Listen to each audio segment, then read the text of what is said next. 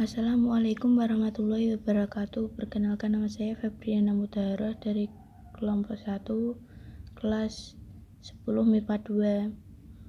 Saya ingin menjelaskan tentang sebelum mengenal tulisan.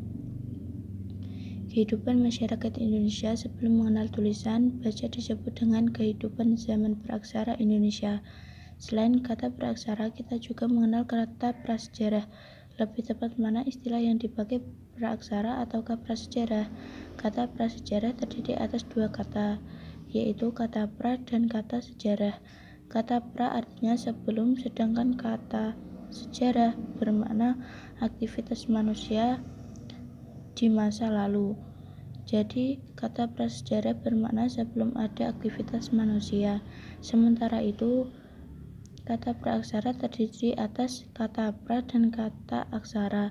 Kata pra artinya sebelum, sedangkan praaksara artinya tulisan. Jadi praaksara dapat didefinisikan sebagai masa kehidupan manusia sebelum mengenal tulisan. Bila mengkaji mengenai kehidupan manusia sebelum mengenal tulisan, maka lebih tepat menggunakan istilah praaksara daripada istilah prasejarah. Itu karena pada zaman kehidupan manusia berubah sebelum mengenal adanya tulisan atau aksara, juga telah terjadi kegiatan atau proses sejarah. Adapun istilah prasejarah lebih menggambarkan ke perkembangan hidup dan budaya manusia saat belum ada sejarah yang berarti belum ada kehidupan manusia.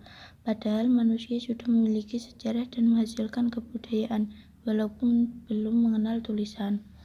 Satu penelitian zaman praksara. Untuk menyelidiki zaman praksara, para ahli harus menggunakan ilmu bantu seperti arkeologi, geologi, paleontologi, biologi, dan lainnya. A. Arkeologi Arkeologi adalah ilmu yang mempelajari sejarah material makhluk hidup. Melalui ilmu ini dapat ditemukan informasi-informasi yang berhubungan dengan kehidupan sejarah masa lalu, termasuk saat zaman praksara. Informasi tersebut diperoleh dari kajian sistematis terhadap benda-benda kuno yang ditemukan, seperti artefak dan ekofak. B. Geologi Geologi adalah ilmu pengetahuan alam yang khusus mempelajari tentang bumi dari segi komposisinya, sifat-sifat fisik, struktur dan sejarah serta proses bagaimana pembentukannya. Geologi berasal dari kata geos, bahasa Yunani yang berarti bumi, dan logos yang berarti ilmu. Ilmu ini terhitung penting untuk meneliti zaman praksara. C. Antropologi Antropologi adalah ilmu yang mempelajari mengenai budaya suatu masyarakat atau etnis tertentu. D. Paleontologi Paleontologi adalah ilmu yang mempelajari sejarah kehidupan di muka bumi mengenai tumbuhan dan hewan pada zaman dahulu yang sekarang telah berubah menjadi fosil. Secara otomatis, zaman praksara juga menjadi kajian dalam ilmu ini. Sebutan bagi orang yang terjun di dalam bidang ini disebut paleontologi. Kata paleontologi berasal dari bahasa Yunani.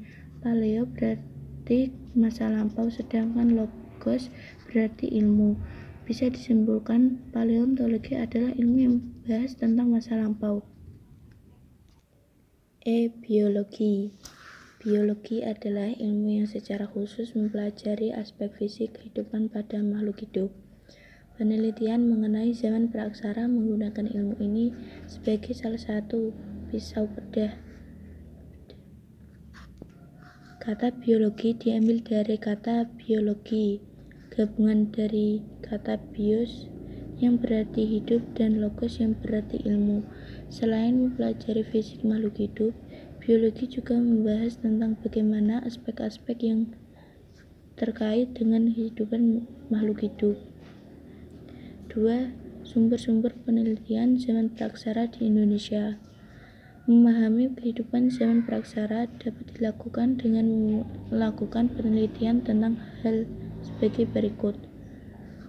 A. Fosil Fosil dalam ilmu sejarah dipahami sebagai sisa-sisa tulang belulang hewan dan manusia purba yang sudah membatu. Istilah lain yang berkaitan dengan fosil adalah fosil pandu, yaitu fosil yang memberi petunjuk tentang keadaan dan kehidupan manusia pada zaman praksara. B. Artefak Artefak adalah semua benda peninggalan masa lampau, baik secara keseluruhan maupun bagian merupakan hasil garapan tangan manusia. Contoh artefak adalah kapak persegi, prasasti, candi, dan lainnya. C. Ekovat adalah objek yang ditemukan dalam situs arkeologi dan memiliki nilai penting dalam arkeologis, tetapi benda tersebut tidak pernah memiliki perubahan yang dilakukan oleh manusia. Keberadaan ekovat menunjukkan sikap manusia pada masa lampau terhadap lingkungan. Demikian yang dapat saya sampaikan. Banyak kurang dan lebihnya saya mohon maaf yang sebesar-besarnya. Wassalamualaikum warahmatullahi wabarakatuh.